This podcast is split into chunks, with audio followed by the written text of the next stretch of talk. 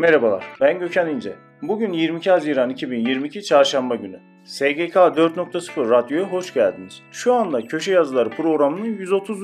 bölümünü dinliyorsunuz. Programımızda çalışma hayatına ilişkin olarak yayınlanan köşe yazılarına başlıklar halinde yer veriyoruz. Programımızda yer verdiğimiz köşe yazılarının detaylarını e-posta bültenlerimiz aracılığıyla tüm üyelerimize gönderiyoruz. E-posta bültenlerimizi görüntüleyebilmek veya üye olabilmek için SGK 4.0 internet sitemizi veya LinkedIn hesabımızı ziyaret edebilirsiniz.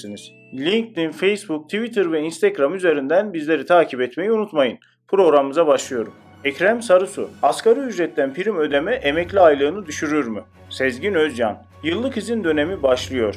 Fatih Hacar, ücretim ödenmiyor ne yapmalıyım? Resul Kurt, SGK hizmet belgesinde bu harflere dikkat. Bünyamin Esen, patronlar asgari ücrete niçin zam istiyor? Ozan Bardakçı, SSK yerine dolara yatırsak. Soner Ülgen, beyanname verme süresi geçtikten sonra verilen düzeltme beyannamesine ihtirazi kayıt konulamaz. Sabri Arpaç, yatırım teşvik belgesi kapsamında kullanılmış makine ithalinde KDV istisnası. Nergis Şimşek, yaşımı küçülterek emekliliğimi geciktirebilir miyim?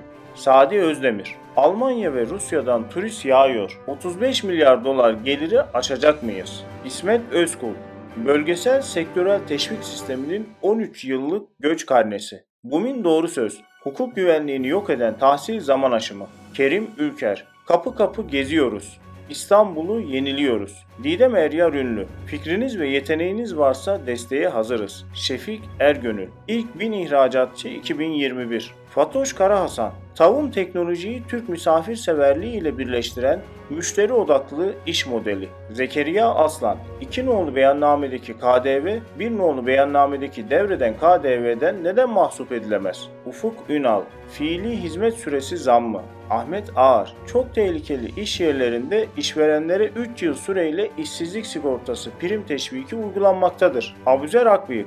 Teşvik belgesi kapsamında 6. bölge illerine sağlanan destekler. Cevdet Akçakoca, Yatırım Teşvik Belgeli İnşaat KDV iadesi ve istisnası 2022. Blog yazıları. İş hukukunda tazminat türleri nelerdir? Ben Gökhan İnce. SGK 4.0 Radyo'da Köşe Yazıları programının 130. bölümünü dinlediniz. Programımızda yer verdiğimiz köşe yazılarının detaylarına e-posta bültenlerimiz aracılığıyla ulaşabilirsiniz. E-posta bültenlerimizi görüntüleyebilmek için internet sitemizi veya LinkedIn hesabımızı ziyaret edebilirsiniz. LinkedIn, Facebook, Twitter ve Instagram üzerinden bizleri takip etmeyi unutmayın. Bir sonraki programda görüşmek üzere.